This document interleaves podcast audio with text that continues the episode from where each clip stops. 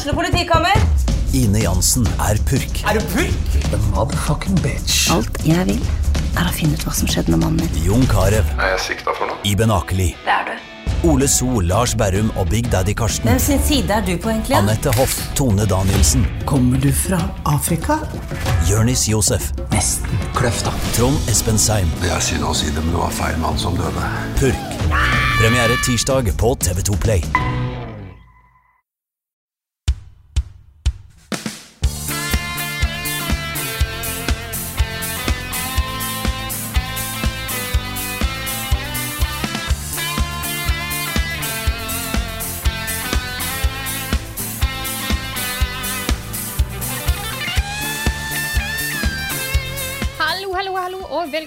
Til en ny episode av podkasten Level Backup, som nå er en del av Jeff Keeley sitt eh, hva vi kaller det, nesten sommeragglomerat. Som Ja, del- som- Cinematic Universe. Cinematic Universe, som alt annet på internett akkurat nå. Eh, vi kommer til å skippe store deler av podkasten for å heller ha et innslag med Jeff Keeley og The Muppets. Eh, bare så dere er klar over det. Og så skifter vi navn da til Level Jeff Up. Det, det stemmer. Mm. Og fra nå av så er vi Summer of Backup. Ja. Yes. Yes. Åh, jeg er som vanlig Frida Danmo, og i dag har jeg med meg Karl Martin Hogsnes, Rune Fjell Olsen og Niklas Halvorsen. Hallo, folkens. Hello. Hello. Hello. I dag er det en litt eh, interessant podkast. I dag blir det litt tidsreising. Eh, det er vi veldig glad i, fordi senere i dag for oss, og i går for dere, dette er vanskelig, så er det en litt stor pressekonferanse vi skal dekke. Hva er det for en? Karl eller Rune, vær så god. Take it away. Det er jo Gamescom, da. Gamescom, hva, hva heter det? Opening Night Live, er det det heter? Opening Night Live, eller som jeg hadde tenkt å kalle det uh, på fronting på, på Facebook og sånt, når vi skal, for vi skal ha live Ja. uh, etter, etter at vi spiller inn dette her. Uh, Jeffcom, Opening Jeff, ja.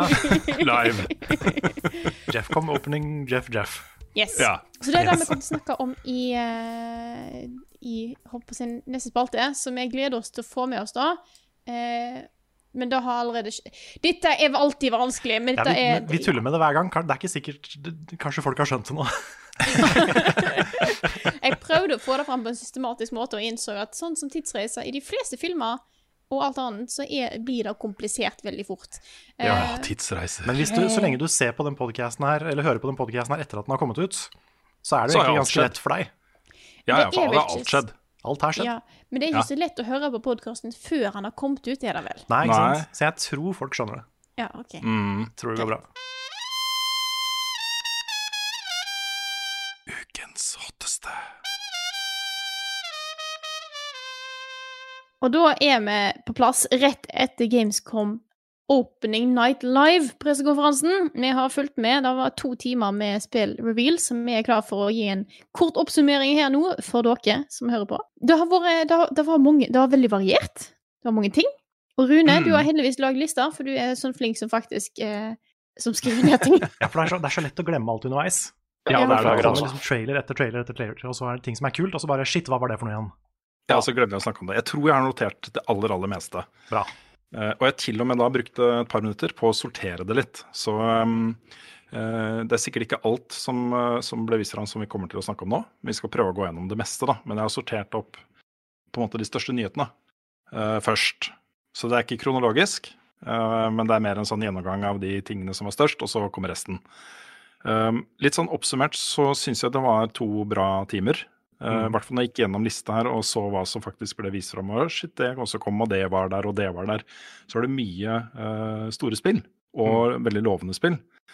Ikke så mange av de aller, aller største announcementene, men sånn har verden blitt litt nå, tror jeg. Mm. Ja, det var, Tror det var en del spill vi kjente, kjente til fra før, så vi fikk sett litt nye ting fra.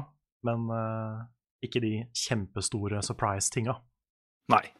Men jeg tenkte å begynne med en litt sånn stor surprise-ting som uh, traff oss alle sammen, tror jeg. Uh, det var jo dette Teardown, som uh, var en sånn blanding, sånn heist Minecraft-spill. Ja. Stemmer. Det var, det var da sånne simulerte piksler, som det heter. Mm. Hvor, Mhm. eller det er kanskje ikke piksler når det er 3D, men, men all geometrien var på en måte destructible. Da. Mm. Og det så så kult ut i bevegelse. Ja, Så det dette var jo lagd av to, to svensker. Det, han ene bare lagde sin egen game engine for å få dette til å, eh, å funke. Mm.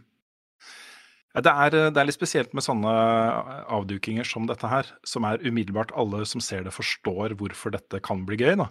Mm. Um, og vi vet jo hvordan nettet fungerer nå. Sånne ting sprer seg også. Så jeg har tro på Jeg har tro på at dette her kan bli en sånn ganske svær greie etter hvert.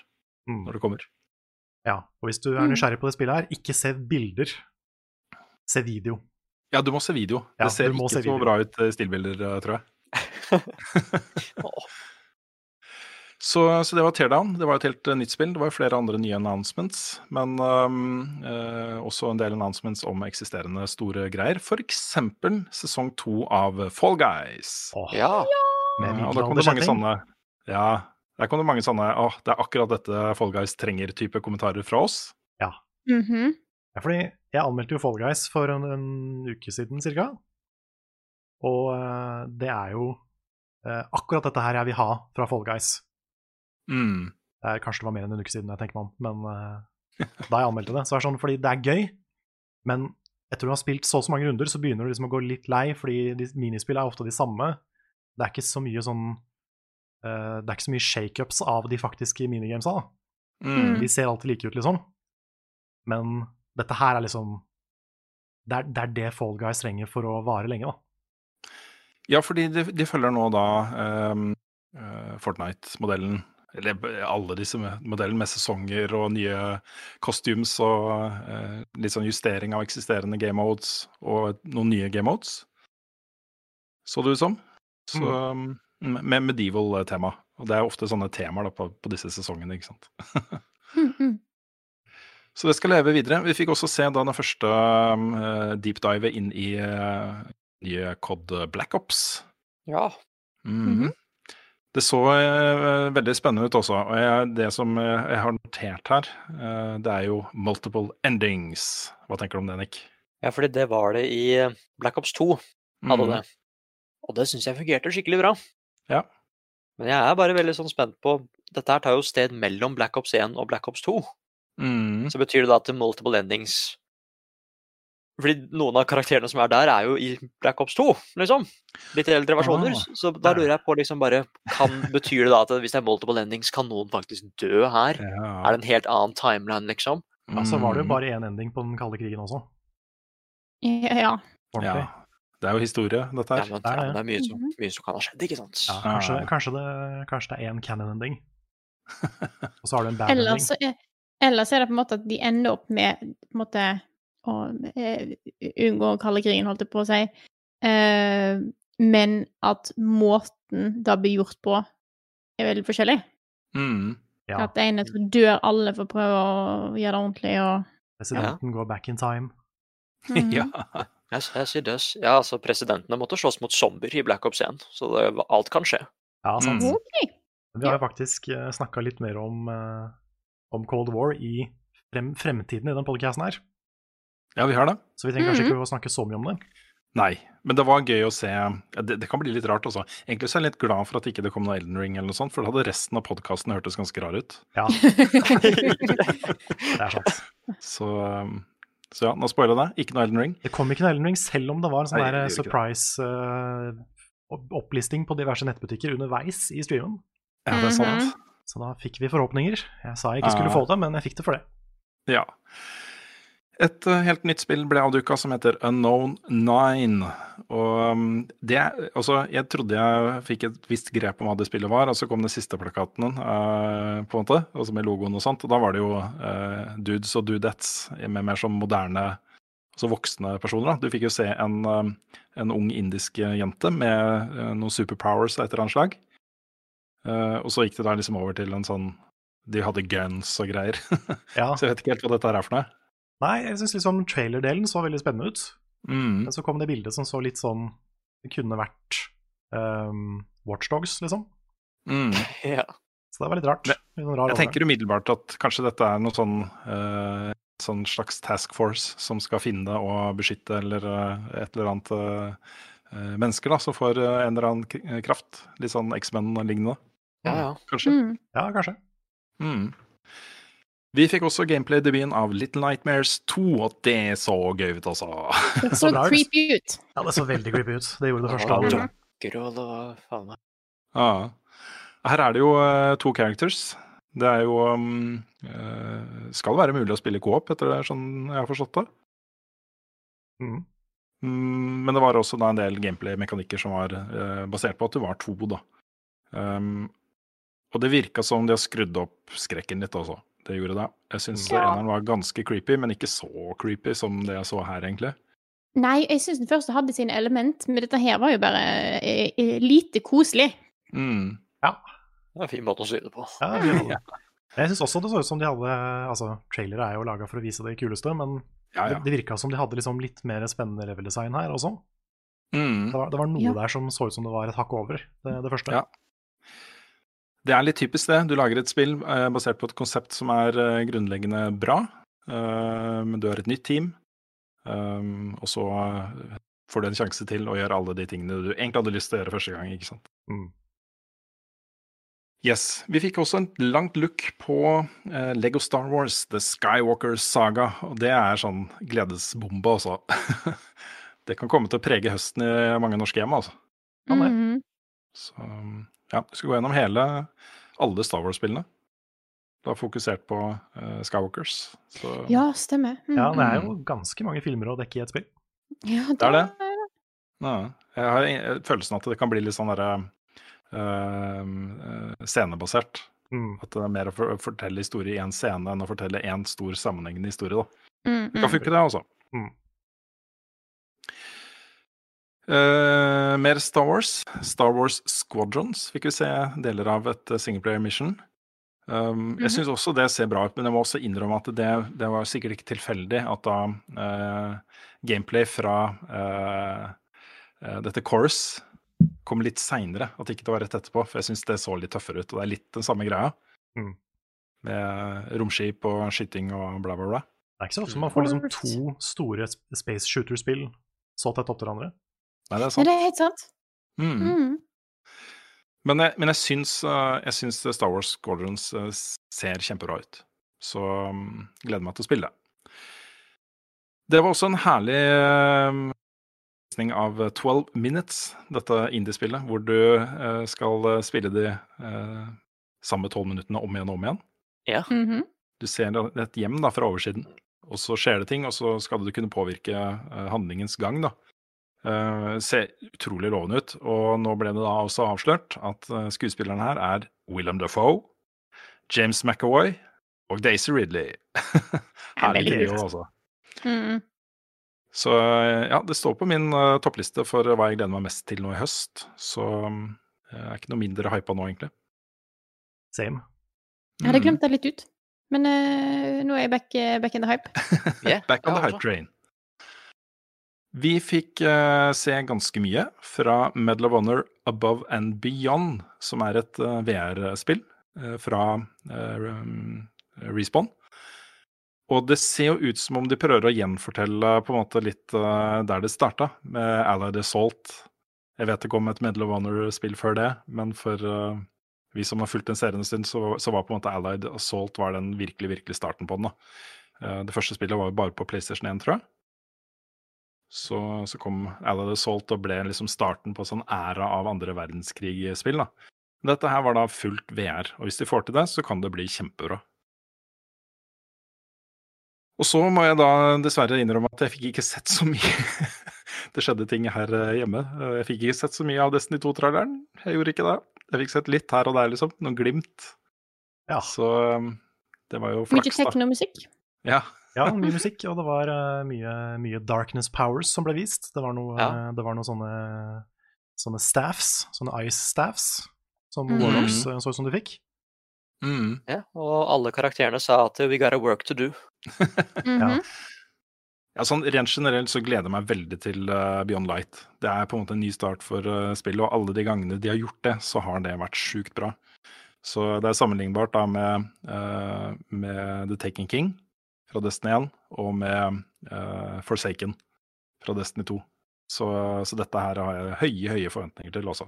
Mm. Det er kult med første gang på sjukt lenge du får nye uh, subclasses med nye powers og sånne ting. Yeah. Så det er eh, spennende. Og så avslutta jo hele Gamescom, uh, Opening Night Live, med uh, det var jo sjukt hvor mye de viste, da. Fra Ratchet and Clank, Rift Apart, eller Mhm. Ripped Apart, som det er vel egentlig meningen vi skal uttale. yes. Ja, det er, så ut som klassisk Ratchet and Clank, og jeg er fryktelig glad i den serien. Særlig de tre første spillene i den serien. Uh, det så veldig, veldig, veldig bra ut, altså. Det så, altså, det så bra ut så at, det så gøy ut, men Mm. det så jæklig bra ut. Ja, det gjorde det. Mm. Mm. Ja, det, er, det er sånne subtile ting som, du, som gjør at du kan se at ikke det er PS4, på en måte. Mm. Sånn som partikkeleffekter på skjermen, eh, refleksjoner og de der eh, transitionsa mellom forskjellige dimensjoner i spillet. Mm -hmm. De er veldig sånn instant og veldig kule. Ja. Ja, Det ble vel sagt uh, av utviklerne etterpå at, uh, at eh, de sekvensene er ikke sånn du, skal ikke gjøre det hele tiden. Det, han, det handler om når du skal chase noen gjennom eh, dimensions og sånne ting. Ja, ok. Mm. Så um, Og de sa òg at de går seamless uten Mm. eh, loading screens. Ja, gjennom hele spillet. Det skal ikke være Ja. loading screens i det hele tatt. Ja, det er crazy. Ja. Og vi har fått lanseringsvindu. ja, som er launch window. Så har vi egentlig fått det. Da er det Ja. ingenting som er satt i stein med PlayStation 5 og Xbox? Ja, det som er ting med launch window, da, at det er jo egentlig sånn tre måneder ish. Ja. Så, så hvis da PlayStation 5 kommer i november, som jo mange tror den gjør, så kan det jo hende at det betyr liksom februar-mars. Ja, februar i hvert fall. Mm. Um, men innenfor det tidsvinduet der, da, jeg, jeg tror jo at det kommer ut før jul. Ja, det er Da får få det ut før jul tror jeg er en viktig ting for, Mm. eh, for salg. Ja. Og så er det sikkert litt uenighet om at jeg flytta ting eh, litt fram og tilbake. Eh, jo, jeg glemte å nevne Dragon Age 4. De hadde jo en lang eh, sånn session hvor du eh, på en måte kom inn på gulvet i BioWare og fikk høre hvordan de tenkte når de skulle lage da, en nytt Dragon Age. Det var ikke mye du fikk se. Du fikk se mye konseptskisser og litt, litt sånn derre rendra in game-type ting. Mhm. Um, men det handla mye om, eh, om stemningen går for, da, eh, i spillene. Og det skulle visst ikke være så fokus på sånne overpowered uh, greier. Du skulle være mer menneskelig.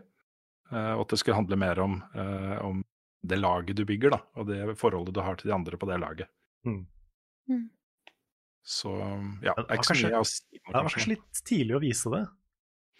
Ja, Ja. jeg satt liksom med sånn der halvveis følelsen av at det er for tidlig, og halvveis at ok, det her føles ut som et litt sånn der ærlig uh, innblikk da, i prosessen deres, som jeg syns var litt interessant.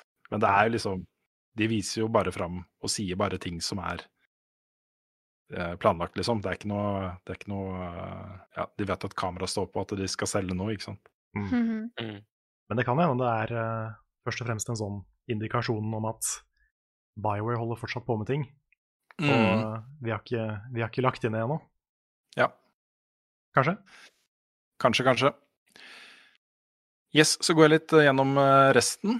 I hvert fall mesteparten av resten. Eh, Vi fikk se de første glimtene fra en ny story-DLC til Doom Eternal, som heter The Ancient Gods. Og Det er da part one, som kom i 20. oktober. Uh, Det, er, det her er Altså Doom Eternal er bananas, og dette er liksom bananananas. Ja. det, det, det ser skikkelig gøy ut, rett og slett. Uh, alt er liksom større og ja, det er Mm. nye abilities og sånne ting, så det kan bli bra. Vi fikk en shadow drop av Surgeon Simulator 2, presentert av uh, Doc fra Back to the Future. Stemmer. Stemmer. Ja. Av en eller annen grunn. Det var morsomt. Ja. Det er jo sånn typisk uh, streamespill for oss, tror jeg. Ja, det har jo til og med multiplayer. Det har kommer til å bli så gøy å Det streame. vi, det må vi streame. Ja. Og så en herlig crossover. Bridge Constructor, kolon, The Walking Dead. ja. Som, eh, som er det det høres ut som. Det er Bridge Constructor. Men uh, du, du skal jo, jeg vet ikke, hindre zombier fra å gå over broen, eller Eller få zombier til å gå over Ja. Kanskje et eller annet. Ja, kanskje det. Ja. Mm. Men det er vel de samme som hadde crossover med Portal, ikke sant? Ja, jeg tror det. Er ikke det? Jeg er ikke sikker. Jeg tror det. Mm. Nei. Og så var det da en spørring. Det kommer mer Sam Max. Der vet vi ikke så mye ennå, men eh, det er jo hyggelig. Mhm. Så fikk vi se også en, eh, den første av fire uh, CGI, eller animerte kortfilmer, uh, som eh, skal bygge opp til eh, World of Warcraft Shadowlands. Uh, den her første het vel Bastion, hvis jeg ikke husker helt feil. Stemmer. Jeg tror det. Ja. Mm. Uh, det var litt rart å se at det ikke, at det, ikke det var sånn full eh, CGI, sånn som de vanligvis gjør.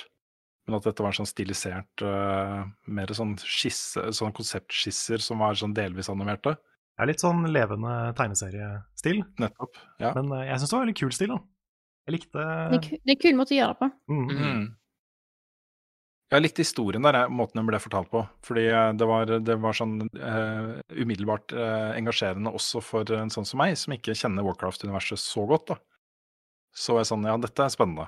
Så um, den, jeg syns det er en kul måte å på en måte lede opp til en stor expansion, da. Så, Mm. så det er bra. Vi fikk også datoen da på Shadowlands, som er 27. oktober. Ja. To måneder. Så fikk vi se litt fra Crash 4. Ja. Um, It's About Time. Mhm. Og det får law. Ja. ja. Faktisk law. Det får faktisk Crash Law, som handler om liksom da han eh, Neo Cortex, han slemme Da han liksom Mhm. eksperimenterte på Crash da, da han var liksom helt i starten. Ja, ja. Mhm. Skapte Crash. Mm. WWE 2K Battleground, som vi jo ikke har så mye kjennskap til i vår redaksjon. Men eh, vi fikk inntrykk av fra chatten at eh, et eh, litt mer sånn overdrevent, morsomt uh, wrestlingspill var det fansen har lyst på. Ja, for tror litt av problemet med wrestlingspill har visst vært at de har vært veldig virkelighetsnære. mm, Mens det mange har lyst på, er et mer sånn arcady, uh, over the top-spill. da. Ja.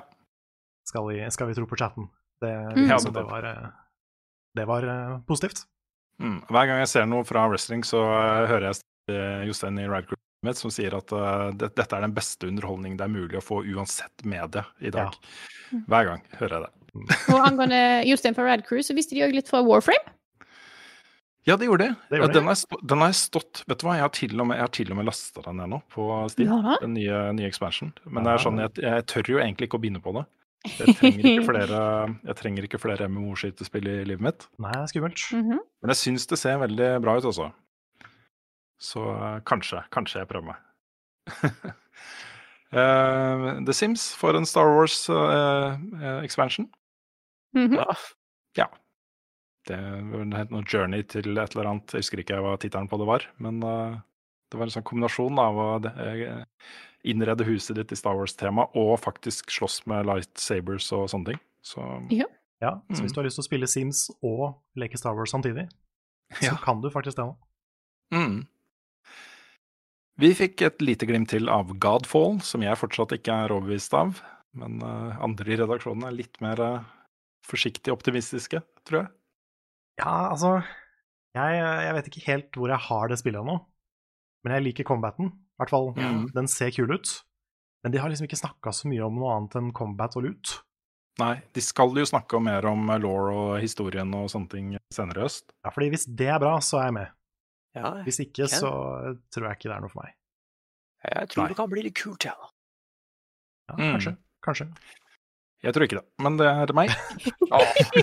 Shut Rune, down. rett på. Ja. Jeg vet det er mange som gleder seg til uh, Mafia Definitive Edition. Jeg, jeg spilte jo det, uh, og syntes det var ganske bra. Men jeg ble liksom ikke så fenga av det som mange andre, da. Så jeg er ikke helt på hype-toget der heller. Men uh, dette er jo en, en veldig sånn seriøs, eh, moden og alvorlig versjon. Også et, et motsvar da, til uh, Grand Theft Auto. Med eh, tilbake da til, eh, til gamle dager og da mafia var mafia. Så kanskje. Kanskje, kanskje. Nå må dere hjelpe meg litt, fordi jeg har Jo, det var det, ja. Eh, det så jo kjempegøy ut. Det ble også shadowdroppa på eh, Switch og PC, var det ikke det? Epic Game Store eh, nå eh, i dag. Eh, Struggling, som jo var Ja. Ja! Stemmer. Mm. Som så kjempeartig ut. Det var jo da eh, ganske ekkelt, men på en morsom måte, da. Ja, det er sånn cartoon-gore, liksom. Ja, ikke sant? Akkurat nok eh, grotesk for å Mm. gjøre det teit. Mm. Ja. Se for deg liksom den der blobben i Inside, bare cartoony, og så spiller du Ja. som den med to svære armer. Ja. så det ut som. Ja. Mhm. Eller eventuelt liksom Ja, eller den um, um, Ninja Rope fra uh, Fra Worms? Ja, fra Worms, blanda med Carrion. Ja. Ja, når du sier det, så er det kanskje litt sånn ninja rope-fysikk. Ja, Da må jeg spille det. Mm, du må det. Ja. Så er det et par spill igjen her som jeg har satt opp, og det var eh, Wasteland 3, som har gått litt under radaren min, som jeg ser får ganske god mottakelse. Det kommer jo nå eh, i dag, på fredag. Riktig. Så um, kanskje noe å sjekke ut. Eh, og så, da, eh, etter en lang periode med Early Access og betaer og sånne ting, Spellbreak er nå ute. Yes. Det er jo et eh, ja, det vil si, Magic det kommer vel ut på alle plattformer 3. september. 3. september, ja, OK. Fordi de sa. De sa det kommer nå, og i traileren sto det 3. september. Ja, nettopp, nettopp. Så da var jeg litt usikker, men uh, snart. Kanskje nå. Dette er Battle Royale med uh, Magic. Stemmer.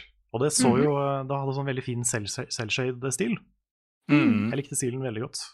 Så Ja. jeg tror eh, dette er noe jeg må teste.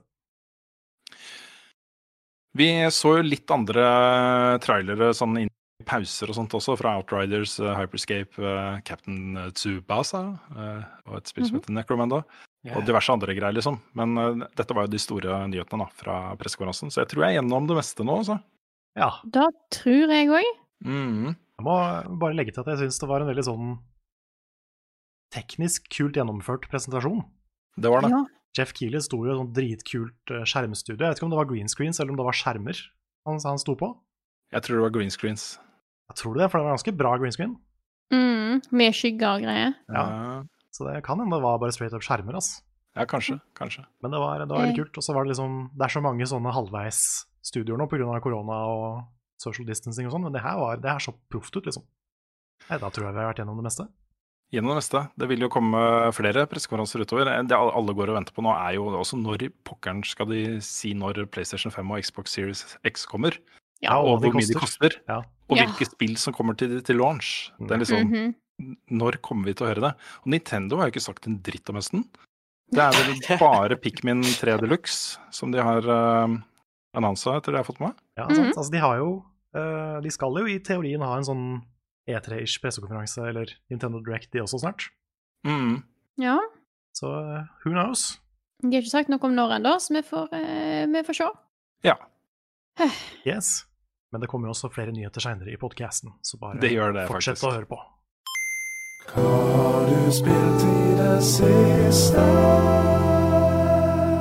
På forhånd så sto Carl og nesten bare hoppa i stolen, for han hadde lyst til å begynne eh, å snakke hva han har spilt om. Snakke om hva han har spilt. Det var veldig vanskelig. Vær så god, Carl. Takk. Nei, jeg har jo da spilt uh, det nyeste spillet til uh, Don't Nod Entertainment, skaperne av Life is Strange. Can you tell me why? Ain't nothing but a heartache, tell me why. Det heter Tell me why, det er derfor vi driver og tuller med Backstreet Boys. Ja. Ja. Eh, men det er jo da et episodebasert spill, som mange av spillene deres. Utgitt i tre episoder. Men twisten denne gangen er at jeg har spilt alle episodene. Jepp. Og det er, det er ikke så ofte vi får sånne anmelder-privileges, men det fikk vi nå. Så alle tre episodene kommer på en gang, og de slippes jo også med en ukes mellomrom. Så det er jo eh, allerede 10. september, så kan alle spille alt. Wow. Mm. Men jeg anmeldte. Det ligger ute, Anmeldelsen kom ut nettopp eh, nå, som, ut, eller som vi begynte å spille inn podkasten. Kult. Og eh, jeg er, jeg er positiv. Jeg er veldig positiv. Herlig. Men du, kan, kan jeg spørre deg, Karen? Ja. Har det med den Backstreet Boys-låta å gjøre? Er den i spillet? på Nei, måte? den er ikke der. Nei, ok, greit. Det kunne vært fordi, fordi Life is Strange har mye sånne popkulturreferanser, Mm. men det er ikke det. Det er, eh, det er litt, litt mørkere enn det, for å si det sånn. Ja, ok. Så eh, det er jo som mange av historiene til Dontnod, så er det jo en eh, dyster, et dystert setup med da Er jeg to tvillinger. gata, eller er det Hæ? Er jeg bak, bak gata? Backstreet Nei, det er ikke, det er ikke noen gutter i en bakgate, dessverre. Men det er da Det er jo litt trist, fordi Eller altså, det er ikke litt trist, det er jo tragisk. Fordi det er, det er et tvillingpar som blir uh, eh, separert fordi uh, mammaen har uh, visstnok prøvd å drepe et av barna, og da blitt, uh, blitt drept av den ene av tvillingene. Så det, det er ganske sånn mørkt og fælt setup. Men spillet tar da sted ti år etterpå, når de møtes igjen for første gang um, siden da. Og um, det er da Alison og Tyler. Og Tyler er trans. Og uh, spilles også av en uh, trans skuespiller, fant jeg ut. Som jeg syns en, eh, det er en bra ting. Um, men det er jo veldig i gate med Life is Strange. Hvis man har spilt det, så er det veldig mye å kjenne igjen. Det er sånne små environment puzzles. Det er mye dialog, mye, mye prating, mye utforsking. Og valg, da. Sånne vanskelige moralske valg som man må ta. Og det som er på en måte twisten, da, det er ikke så mye superpowers i, i dette her, men du har på en måte noe, fordi de tvillingene her kan kommunisere telepatisk. Så de kan, de kan på en måte dele tanker med hverandre. Og de kan også dele minner. De kan, måte, de kan huske ting og så vise hverandre minnene sine. I sånne kule sånne ghostly flashbacks. Og litt av twisten da, med det spillet her, det er jo det at de husker jo ting, men de husker ting litt forskjellig. Og noen ganger så må du velge hvem av minnene du tror mest på. Og det er et mysterium her om liksom hva, hva skjedde den natta som de ble separert. Hva skjedde, hva skjedde med mammaen? Hvorfor gjorde hun det her? Uh, Tyler har jo en veldig, veldig fæl tolkning av det. Fordi han skulle for første gang vise den nye hårsveisen til mammaen sin, og så ble det plutselig veldig fælt. Så det er, liksom, det er et sånt mysterium gjennom alle episodene. Da. Hva, hva skjedde? Hva gjorde at mammaen eh, klikka og prøvde å ta livet av barna sine? Og det er liksom det store Det er veldig dark. Det er Veldig, trist, dark. det her. Det er skikkelig, skikkelig dark, men, eh, men det er veldig spennende, og det er veldig bra. Og, eh, og historien er veldig sånn Dontnod er veldig flinke på å ta mørke temaer på alvor, føler jeg.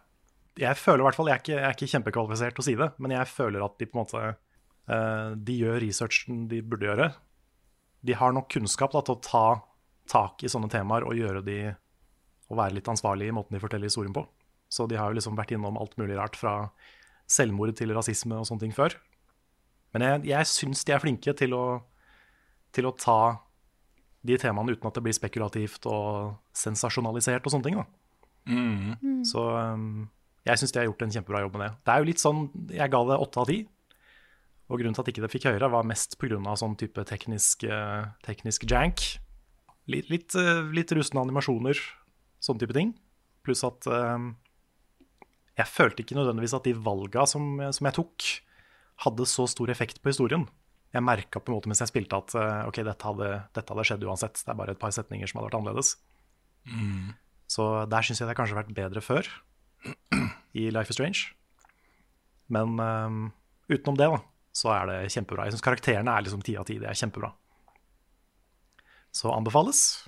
Ja, vi fikk jo den koden inn på, på e-post, og jeg var sånn eh, Jeg hadde jo ikke mulighet til å ta det selv, men jeg angra jo på en måte i det øyeblikket jeg sendte det til deg, for dette har jeg lyst til å spille selv. Ja, men det er, det er verdt å spille, altså. Det er, Mm. det er ikke noe hyggelig bestandig. Og det er, ikke, det er ikke så mørkt hele veien som det høres ut nå. Det har en veldig, veldig mørk start. Og et fælt setup, liksom. Mm. Men uh, litt den derre hovedchunken av spillet, da, som er ti år etterpå, den er også veldig sånn heartfelt og, og fin, da. Mm. Så det er ikke bare mørkt og dystert hele veien.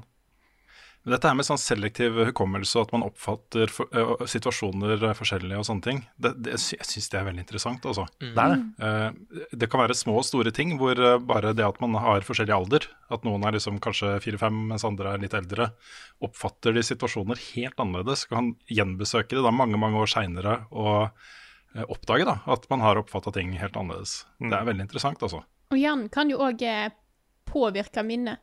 Eh, Mm, mm. Sterke opplevelser som kan plutselig eh, påvirke at du Altså påvirke minnet. Du er helt sikker på at dette her har jeg opplevd, men så har du egentlig ikke det.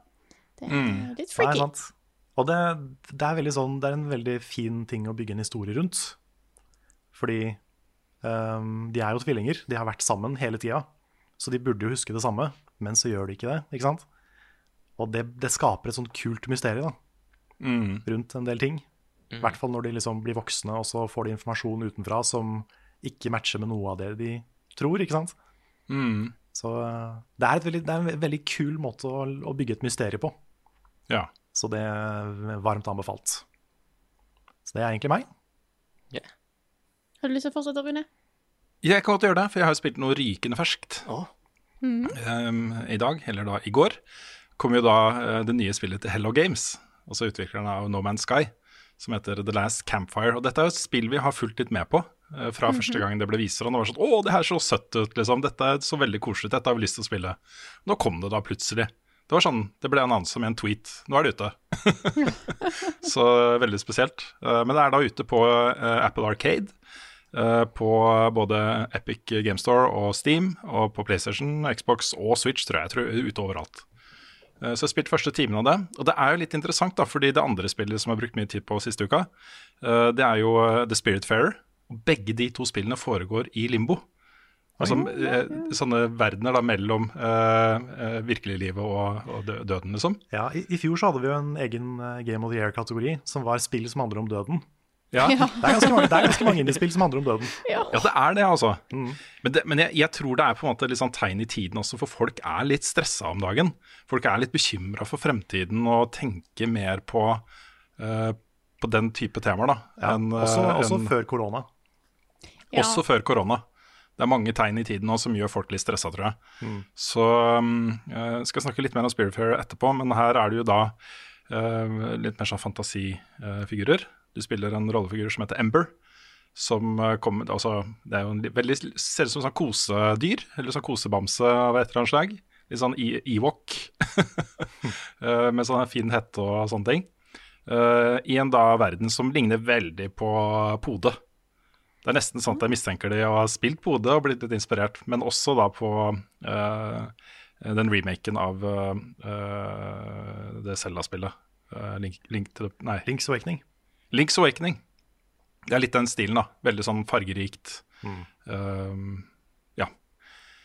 Og det er jo et, eh, et eh, puzzle adventure-spill hvor eh, eh, du skal da uh, vekke og da eh, hjelpe fortapte sjeler som har blitt fanga i dette limboet, fordi det er en sånn mystisk eh, kongen av et eller annet som har på en måte stengt døra. Du kommer deg ikke videre til, eh, til etterlivet. da. Så er det en veldig fin progresjon, liksom. Fordi eh, i starten er det veldig veldig lett, og så blir det liksom gradvis bare litt mer og mer og mer komplekst, de puzzlene du skal løse. Eh, og det, det syns jeg er løst veldig bra også. Det er Ofte så kommer man inn, og så er på en måte bare lista lagt. Og så må man bare takle det og så finne ut av det med en gang. Uh, ellers så er det bare for lett. Men nå merker jeg liksom etter en time at det allerede begynner å bli litt sånn der, uh, hjernetrim, da. Så jeg satt fast på en puzzle. det som var litt morsomt da, var da kom sønnen min bak skulderen min, og så løste vi den sammen. Og han, han kom med nøkkelen til hva man måtte gjøre. da Ah, Flytte på noen, noen sånne steiner og sånne ting. liksom Hva om du flytter de der opp dit? Og så bare sånn Ja, det er helt Ja, riktig. Og så var det, er akkurat et, det man det er jo et stort øyeblikk, Rune. Ja, Når, når ungen din løser noe for deg. Ja, det er helt fantastisk. Bare, må Det er, altså, det er så kult. Det er ikke sikkert at dette blir en, en veldig sånn ting for, Sam- øh, for Sam, men jeg husker fortsatt den ene gangen det jeg kunne hjelpe foreldrene mine med å komme, komme videre i et spill, da jeg var sånn åtte-ni. Da Ja, ja, ja. sitter fortsatt som en sånn så stor ting i sjela mi. Mm. Så Ja, ja. For å sitere Star Wars, we are what they grow beyond. Ja. Ja, men det er jo litt sånn, da. Ja. Han er sju år, ikke sant? Sju år! Han er Ja, sju år! år! Og vi Ja, lo! jeg, jeg, blir- ja, vi lo og lo. Jeg blir, blir jo litt stolt da. Jeg syns jo det var innmari kult, så jeg passa på å skryte masse av han. det er bra. Så, ja, men jeg, jeg liker spillet veldig godt så langt, og det er jo, jeg har jo ingenting med No Man's Sky å gjøre i det hele tatt. Dette er et prosjekt også som starta som en sånn der, eh, hjertebarn hos et par av utviklerne eh, i Hello Games. De satt jo og jobba med No Man's Sky, og så ble de vel ferdig med en eller annen milestone. Og så spurte de da kan vi få lov til å så pushe litt med det, det lille prosjektet vårt som vi har, har så lyst til å lage. da. Eh, Og så fikk de det. Så um, ja, jeg liker det veldig godt så langt. Det andre spillet er jo da Spirit Fair. Det er jo, det snakka jeg jo mye om forrige gang også, så jeg skal ikke si så mye. Men jeg kan da si at nå har jeg, jeg er oppe i 23 timer. Oi. Jeg begynner ikke å nærme meg slutten engang. Wow! Og nå har har jeg kommet til et sånt punkt hvor Også jeg elsker det. Jeg syns det er helt fantastisk bra. Men de må gjøre noe med det Quest-systemet sitt også. Fordi jeg har da sant, masse passasjerer på båten som har uh, uløste greier som jeg skal hjelpe dem med. Jeg skal oppgradere husene deres som er på båten. Jeg skal uh, oppgradere selve båten, sånn at den kommer seg videre til de andre områdene. Og det er sånn, Questene er jo helt sånn derre Det står finn, 'finn den personen'. Og så er det ingen hint om hvor den personen er, eller noe sånt. Så det er mye sånn der, OK, du får reise da fra øy til øy til øy til øy. Og så, da, uh, finner jeg ut seinere at uh, nei, jeg fant ikke den personen, og så ser jeg hva annet det var jeg kunne gjøre. Og så er det da andre quester som jeg kunne liksom fått progresjon på på alle de stedene jeg har vært på. ikke sant? Så må jeg dra tilbake og tilbake og tilbake. Og det er, åh, jeg blir litt frustrert av det, så nå har jeg lagt det litt bort. Ja, Hvis det er bare Um, én quest som er aktiv samtidig. Nei, da alle questene er aktive samtidig. Ok, Så du kan gjøre de andre questene mens du Ja, men du må huske det. ikke sant? Det er ikke noen Ja, indikasjoner okay. noe sted på skjermen, eller du kan ikke tagge noe eller merke, merke aktive quester, eller lage en sjekkliste for ting du trenger og materialer og sånt. ikke sant? Så, så du må ha da oversikt i hodet, eller skrive ned, da. Kanskje jeg skal begynne å gjøre det. Ha sånne Post-It-lapper, at jeg trenger uh, uh, marmor og det og det, maten og så videre og så videre. Snakke med den og den et eller annet sted, og så um, men det er jo et, uh, et utrolig sånn hjertevarmt og hjerteskjærende uh, spill, dette her. uh, som jeg har blitt fryktelig glad i. Så jeg skal komme meg gjennom. Det er uh, en av de virkelig store spillopplevelsene jeg har hatt i år også. Ja, jeg må fortsette på det, merker jeg. jeg bare, det er så mye andre ting som foregår akkurat nå. Med litt mm. prosjekter og andre spill og andre anmeldelser og, og sånn. Men når jeg får liksom ro, roen tilbake, da skal jeg hoppe inn i det igjen. Mm. Jeg kan da komme med det tipset. Ha en notisbok eller et eller annet hvor du kan skrive ned hva neste skritt på de forskjellige questene er. Bare ha det tilgjengelig, liksom, for det, det spillet gjør ingenting for å hjelpe deg med det. det, er, uh, det er frustrerende også. Ja, det blir, blir litt sånn litt matt. Jeg fikk, Men, jeg fikk whiteboard fra Kolonial i går, så det jeg er klar. Ja, det er kjempebra. uh, ellers så er det vel ikke så mye. Jeg har um, jeg, går jo og gleder meg til uh, Alan Wake uh, ek- ek- expansion til uh, Control. Som kommer enten i dag eller i morgen. Jeg er ikke helt sikker. Det er jo, den er rett rundt hjørnet i hvert fall. Som Ja, det, det blir spennende også. Jeg har ikke spilt Control siden jeg anmeldte det. Det jo, du kan spørre deg om det, Frida. fordi den, der, uh, den Foundation-delscenen, er det sånn at du bare går inn på den saven du har, og så er det et eller annet sted som åpner seg som du kan dra til, eller hvordan funker det? Yes. Åpne saven Ja. du har, og så får du mission. Du skal ned til Ned til Altså, håper jeg går nederst, da, i The House. ja, ja, det var det jeg lurte på, fordi jeg fant ikke noe informasjon. Jeg, jeg, jeg kunne ikke velge The Foundation fra menyen, så jeg tenkte at det måtte være sånn. Ja. Så, mm. Så det blir kjempespennende. Ja, eller du, skal, eh, du, skal i kjem- fall, du får en Questline, følg den. Ja. Ja. Mm, det er litt sånn som de gjorde det på um, Horizon også. Da er det bare et område oppi der som åpner seg på delscenen. Jeg syns det er en kul måte å løse det på også. At ikke du, det er, og for så vidt også Assassin's Creed Odyssey. Den kan du jo velge fra launch-menyen, men du kan også dra til denne øya med den personen som starter delscenen, på en måte. Så det er ganske kult. Så det var meg. Det er deg. Nick, har du lyst til å ta litt? Eller skal jeg først? Ja, jeg, kan- jeg kan um, Det er fordi jeg har jo Det har jo vært en del jobb i det siste. Eh, Så jeg har ikke fått spilt Klippekongen. Ja, du har Ja. stått på i det siste, Nick. Ja. Det har du, altså. Så det jeg har spilt mest, det er premier, sånn egentlig. Ja.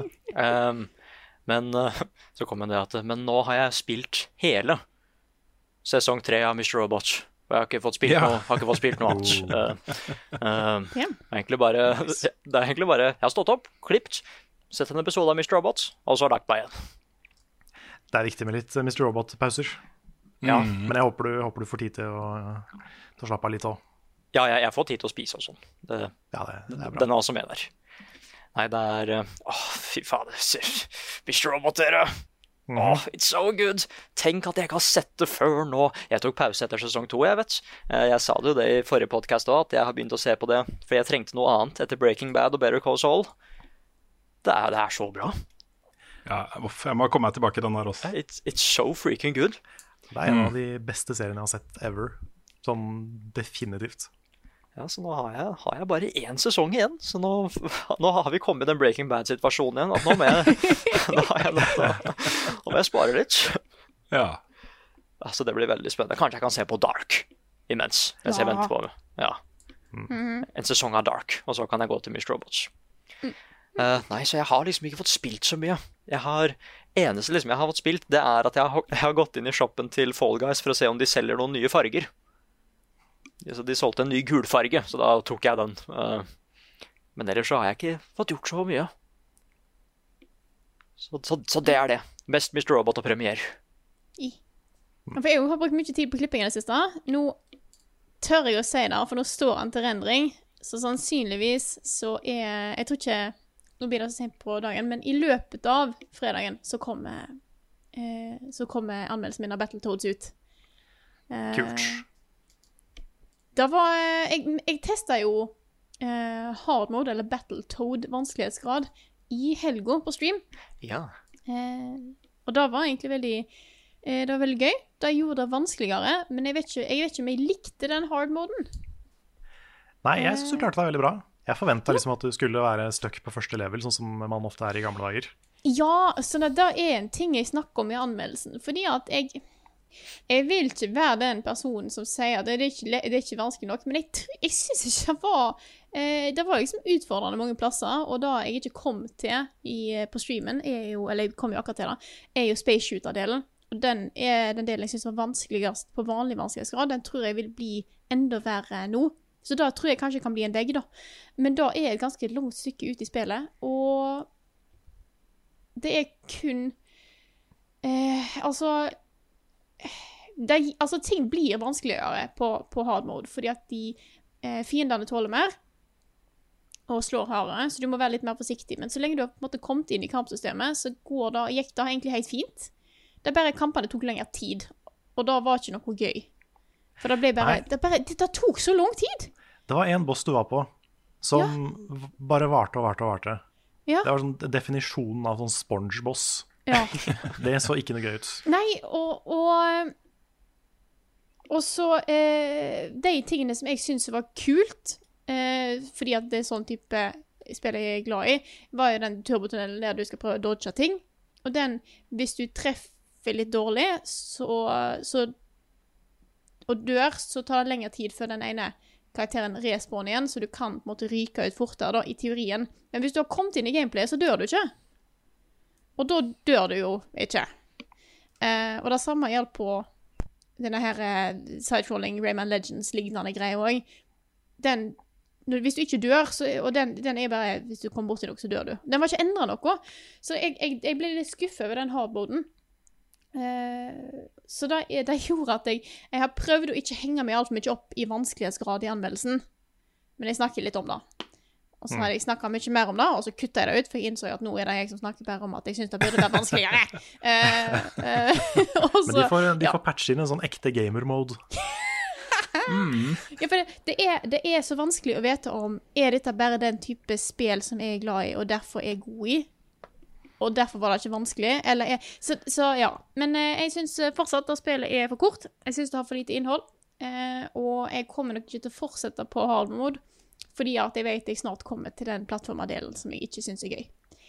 Så, så nå høres det ut som jeg er supernegativ, men da er jeg fortsatt ikke. Eh, jeg syns fortsatt at spillet er dritbra, og jeg koste meg veldig da jeg spilte det på stream. Det var skikkelig skikkelig gøy å ta det opp igjen.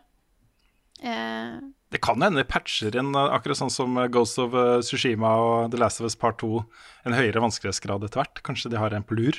ja, men jeg vet ikke hva den gjør. For hvis en bare gjør det samme som Battletoad, så betyr det at kampene bare blir enda mer spongy. Ja. Ja, det, det hadde vært kjipt.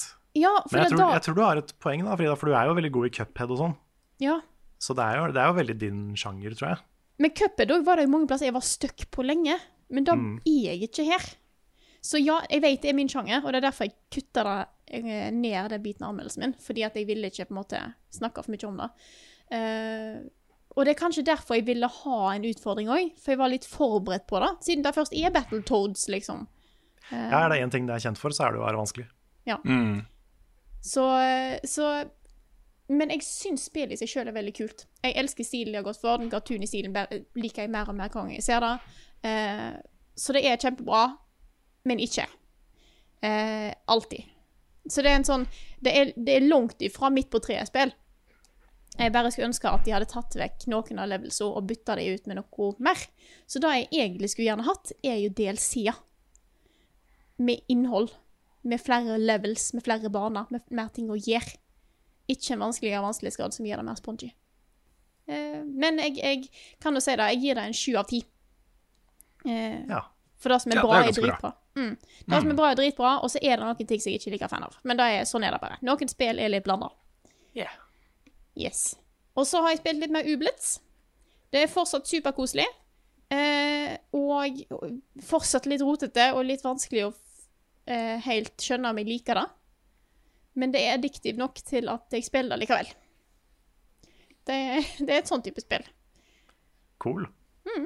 Så jeg har tenkt å Jeg, jeg tar det opp litt sånn innimellom når jeg plutselig har litt, litt tid. Jeg tenker jeg kommer sikkert til å eh, spiller til jeg har gjort alle questene som er der nå. Og så tar det opp igjen etter hvert som det kommer mer innhold, siden det fortsatt er i early access. Det er planen min. Jeg begynner å få en del ublets. Noen av de er veldig rare. Jeg har fått en eh, Hva heter han? Pants Bear? Eller Bear Pants. Jeg husker ikke. Det er en bjørn i bukse. Det er liksom Da er det. Eh, oh, men hvordan har han på seg buksa? det, det, det, altså, det, er, han, han, det er en bjørn som står på to bein, og så har han bukse bukse fra, liksom, fra livet og ned, da. Ok, så- Ja, for det er en sånn meme-greie. Ja, sånn. Hvordan har, eh, fi eh, hvordan har firebeinte Ja. dyr på seg bukser? Åh, ja, det har jeg sett. Ja, sånn, ja. Ja. Men så det er straight up bare en, en bjørn på to bein med bukse, Ja. som heter Pants Bear eller noe sånt? ja. Ja, Jeg har også fått ja en det, det er sikkert som noen som er litt mer kreative. Ja, og så har jeg også fått en, en fugl som har sånn der munkesveis. Det er, Og det er Monkbird. Hæ? jeg husker ikke hva han heter.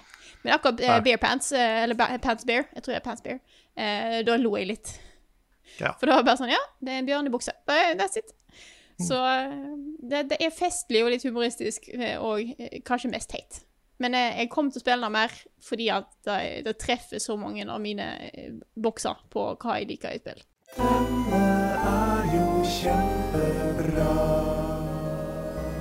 Ukens anbefaling. Rune har vært på kino. Jeg har vært på kino, det er så luksus, vet du. Jeg går på premierevisning på Imax midt på dagen. Halv to, liksom. Med kona. eh, For å se da en ny film fra min favorittregissør. Kan det ikke bli bedre, altså. Og så har jeg ferie, og ting er liksom bare bra, da. Men jeg har jo da vært på Imax og sett Tenet fra Christopher Nolan. Ja, Christopher Nolan har jo både regissert og skrevet manus, som han jo har for vane å gjøre disse filmene sine. Den vil jeg se. Mm, jeg skal ikke si noe om plottet, fordi Nice. jeg visste ingenting om plottet, øh, og det var en kjempefordel. Øh, det jeg kan si, er at øh, bare vær forberedt på å følge godt med, og konsentrere deg liksom om hva som skjer. Altså, det, er en, Fordi- det er en Christopher Nolan-film. Det er, men det, det er på en måte dette er, dette er på en måte destillert Christopher Nolan. Eh, Det virker litt som han leker seg med en del av de uh, greiene som han har lekt seg med tidligere, men bare liksom enda mer. Han har mer av det. Og det var mange av de scenene hvor jeg satt der og bare Å, Jesus Christ. Dette er så fett å bare se på. Og oppleve disse scenene her. Måten de er laget på og regissert, og uh, stilen på det og, og alt mulig rart. Amazing, altså. Så, mm, så jeg, jeg vet fortsatt ikke helt hvordan jeg vil rangere denne filmen i hans, eh, hans eh, filmografi. Eh, men jeg likte den kjempegodt. Og det, er, det var ordentlig ordentlig, ordentlig gøy å se den på kino, på stor skjerm, med høy lyd og alt dette her. En sånn event, et lite event bare, å se den.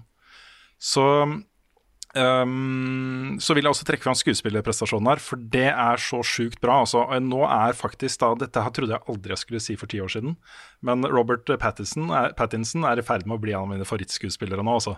Han var helt konge i The Lighthouse, uh, og han er så bra i den filmen her.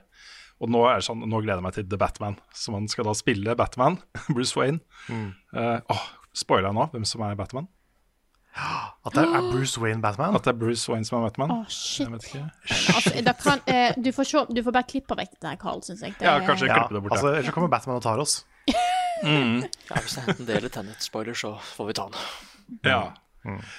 Og så syns jeg også castinga av hovedpersonen var eh, dritbra. Eh, John David Washington han er litt, ja, han er ikke sånn veldig veldig kjent skuespiller. Jeg tror mest kjente han har gjort, er The Black, eh, Black Clansman. Eh, men han passer utrolig godt i den rollen her, som en sånn eh, eh, hemmelig agent-type personlighet. Veldig cool og kald og kalkulert og ære, masse ære og uh, ansvar. Ansvarsfull. Alle de tingene som han skal være i den rollen. Og så er også Kenneth Branagh en God damn, altså, den rollen hans. Det er, det er så kult å se han i en sånn rolle. Så bare gled dere til å, til å se han der. Det var amazing. Mm, nei, konge Jeg syns synd på deg, Nick. Jeg hører bare sånne triste lyder fra Nick. Jeg har um, Jeg holdt på å si Jeg hadde tenkt å se den på premieren, men det, det var for mange folk, så jeg feiga ut. Ja, det var, det var masse plass på, på, i salen når jeg var der. Men på Imax så bør du helst ikke sitte på de første fire-fem radene. Nei, da hele Kongsvinger er Nolan-fans, så da, Ja. da, ble, da ble det en del. Men jeg, skal, jeg, jeg må jo få sett den. Jeg skal få sett den i helgen. Prøve i hvert fall. Mm. God dang it.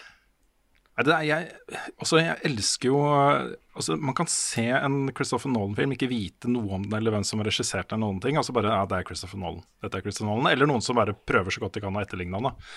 Men han, han, det er så unikt, den måten han, øh, han forteller historie på.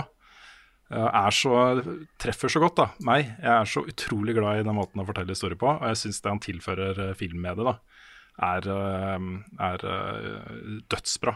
Så opptil flere av mine topp ti-filmer er jo Christopher Nolan. Um, og det Ja. Ja, Det her var et ordentlig event, og jeg gleder meg. Jeg skal se den igjen så fort som mulig. det er en sånn type film. Det Kan vi, ikke, kan vi ikke ta en Oslo-kino en gang, alle sammen? Jeg er med på det. Hvis du, hvis du har lyst til å komme inn til byen, Nick? Ja, Ten- Tenet Edic. Ja, Mm. skal vi gjøre det? Å, Frida, da. Se ut som Hun er jo er- så trist. I- Se Fly til Oslo, Frida. Nei, så, sånn er det når jeg bor et stykke vekke. Da er det noen ting som må ofres. Her kommer nyheter med Carl! Og han er hår. Ja, det er nok en gang jeg som har nyheter denne uka, men Rune hadde lyst til å si noe først. Ja, jeg har ferie. Det var ikke det jeg hadde lyst til å si, men jeg har ferie, så derfor er det jeg har heller ikke forberedt noe til nyheter. Nei, og det går sånn Ja, men det går litt sånn ett i ett allikevel, da. For det er jo uh, unger her hjemme, og de trenger ting og mat og, og sånt. Så uh, ja. Så jeg har ikke forberedt nyheter, men jeg bare glemte å nevne uh, i forbindelse med Tennet uh, et viktig ting da, som jeg hadde lyst til å snakke litt om. Og det er jo at mye av, uh, eller flere av scenene foregår jo i Oslo. I Oslo, ja, på ja. Operahuset og uh, Tjuvholmen og, og sånt. Og det er så fett, altså, å se en sånn type fortelling bli lagt til steder man er på hele tiden. Og så man, man vet akkurat hvor de har filma det, man vet akkurat hvor de er. Eh, Det var kjempestilig. Så verdt det egentlig bare for det, altså. Uansett hva du syns om Christopher Nolan. Kanskje, kanskje noen kan se huset sitt derfra, ikke sant? Ah, ja. Det kan hende. Det er, det er mye, det er mye sånn kjølige, høye bygninger og sånt. Da, barcode uh, og så Ok. videre. Mm. Men um, ja. Jeg, jeg, jeg ville bare nevne det. Det, er, det føles litt rart å snakke om den filmen uten å nevne det. Så, mm. Ok, men da kjører vi i gang med nyheter. Mhm. Og vi begynner med Jeg tror jeg skal sette ordet ganske kjapt over til Nick og Rune. Fordi eh, Call of Duty Black Ops Cold War kommer 13.11. Ja. Ja. Ja, go.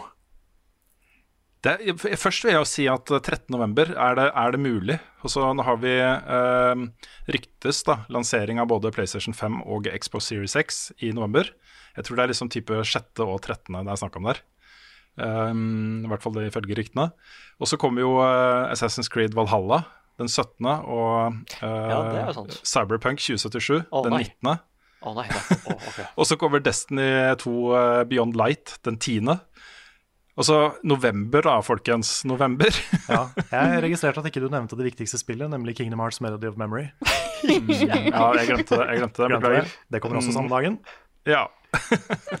Nei, da må vi Det der blir Det er nesten sånn at jeg vurderer å ta inn på en Airbnb-leilighet her i byen, eller noe, sånn at jeg kan jobbe 24 timer i døgnet. Bare kaste ut barna. Ja, Nei, det blir tøft, men det, det, blir, det er jo gøy. Da. Det er gøy når det bare rusher på med masse greier.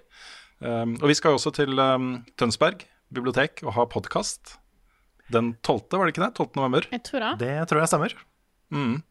Så det er, ikke mulig, det er ikke lurt av oss til å reklamere for mye for det, fordi eh, det var visst bare plass til 20 stykker der pga. koronatiltak og sånt. Ja, Men det er jo faktisk Vi skulle jo egentlig ha podkast på Tønsberg bibliotek nøyaktig nesten da korona begynte. Ja, Ja. det er sant, det. Så ja, nå er vi her over et halvt år etterpå. Mm. Nå blir det da, faktisk podcast. vi kommer tilbake til det, eh, og det kommer mer info. Eh, så det kan Ja. være det blir en Det kan være det er litt eh, Vi tar det etter hvert. Men eh, bare merk det i kalenderen deres. Merk i kalenderen. Men Call of Duty, da, folkens. Ja. Det var en kul trailer. Jeg likte den veldig godt. Det, Ja, det, var et, et- det var faktisk et sånt E3-øyeblikk for meg. Mm. Fordi jeg gikk fra å være liksom Ja, jeg er glad i Black Ops-spillene, liksom. Og det at de ikke nå går helt i fremtiden, er alltid spennende. Boots on the ground og alt det, alt det greiene der. Men, eh, men, jeg, men jeg ble sånn herre jeg, jeg som vanlig spenning rundt Cold Duty. Men så sa de at Og de viste det i traileren nå. Dette er en direkte oppfører til det første Black Ops. Ja, Ja, stemmer det det. fikk jeg med meg. Ja, og det, og det er sånn Jeg veit ikke helt Enten så er det Modern Warfare 2 eller Black Ops jeg liker best. Jeg er ikke helt sikker hvem av de spillene jeg liker best, men historien til Black Ops er den beste COD-historien. Og det å faktisk få en ordentlig fortsettelse på det nå Og alle de store spillere har dukka opp, vet du. Bare vent litt, er det Er det Woods? Er det Hudson? Det er så fin grafikk nå, og de, de ser litt for ekte ut. Så det kan være andre folk, men så var det dem, da. Ja. Altså, jeg, jeg er kjempespent, faktisk. Jeg syns jo det var dødsgøy å se Ronald Reagan der, da. Gjenskapt liksom digitalt. Ja, jeg har, ikke- Um, jeg har ikke sånn, så mye kjennskap til Black Ops, men de ansiktene i den traileren, Ja. de har blitt gode på faces, altså. Mm. Jeg lurer på hva som skal til, jeg. For å vekke da en død president til live på den måten. Og få han, ha han med i spillet i en fiksjonshistorie. De må jo ha, de, han må jo ha et, eh, en estate av et eller annet slag som skal liksom eh, eh, ivareta ettermælet hans og sånne ting. Ja, sånn, ja. Noen må ha sagt ja til at det er greit, eller kan de bare gjøre det? Jeg trodde nå at det var en sånn lang joke om at de hadde faktisk gjenopplivet han. Nei, nei de har gjenopplivet han digitalt. Det var Ja, derfor jeg sa ja. digitalt. Motion cap av en zombie, liksom. Ja. ja, nei, det er, ikke, det er ikke så ille, da. Ja, men jeg tror eh, at det er noen retningslinjer der, altså. Jeg tror ikke du bare kan jeg ta en person vet ikke, uten ja. Nei. Men det som er ting, det, grunnen til at jeg syns det var litt interessant, var at, um, at uh, i og med at det var, var Ronald Reagan, så ble på en måte liksom settingen, den kalde krigen, faren for en ny atomkrig, ble så mye mer ekte med en gang. For jeg husker jo Ronald Reagan på TV-en på 80-tallet, og hvor, hvor redd jeg var hver gang han dukka opp. liksom. Fordi da var det jo ofte liksom skumle ting da, som, ble, som det var snakk om. Og folk var ordentlig redde under den kalde krigen. Det var en sånn reell fare for denne atomkrigen som alle eh, stressa med. I mye større grad enn nå. Også det er fortsatt, eh, Vi får sånne skriv fra skolen hvor vi må godkjenne at barna kan få sånne jodtabletter eh, i tilfelle atomgreier og sånne ting. Eh, det er fortsatt liksom bevissthet rundt det, men ikke på samme måte. Folk går ikke rundt og er redde for atomkrig. Det var vi da, ikke sant? Hmm. Så det Ja, synes jeg var bortsett litt- for når Trump tweeter. Ja. Da blir man, da blir man litt redde for atomkrig. Eh, Ja. Men så er det jo også en veldig sånn interessant eh, greie her, og det er jo at eh, i den første traileren til spillet så var det jo en kort scene på et par sekunder fra eh, Himmelske fredsplass i Kina, og så kom det da en ny trailer uten den scenen. og Tencent er jo da deler av Activision Blizzard. Dette er liksom Skal du først For det første skal du, skal du legge deg tett opp til hvordan ting var da under kalde krigen og virkelige konflikter og eh, mot eh, også stridende parter og sånt, så kan du ikke omskrive historien på den måten. Nei. Og for det Nei. andre Altså, den derre forhåndssensuren da, som utviklerne gjør i frykt for å gjøre Kina forbanna, det er, da har jo på en måte Kina allerede vunnet, den Mm. der PR-krigen de holder på med. Eh, det er ikke bra, altså. I det hele tatt. Nei, jeg er ikke stor fan av det. Ida. Åh, nei, jeg får bare vondt. Eh, det- jeg vil ikke snakke om det. Nei. Nei, Vi må nok snakke litt om det likevel. Da. Ja, vi det er må mulig da, vi kommer litt tilbake åh, til Tencent etter hvert også. Ja. Men uh, uh, Ja. Og så var det en annen tanke da som slo meg, og det er jo at i, nå, nå begynner jo ting å bli ganske sånn virkelighetsnære. Også du har Ronald Reagan, han ser ut som Ronald Reagan, og det er ekte konflikter, og det er real, liksom. Og så De legger seg så tett opp til virkeligheten, og ting begynner å se ganske ekte ut.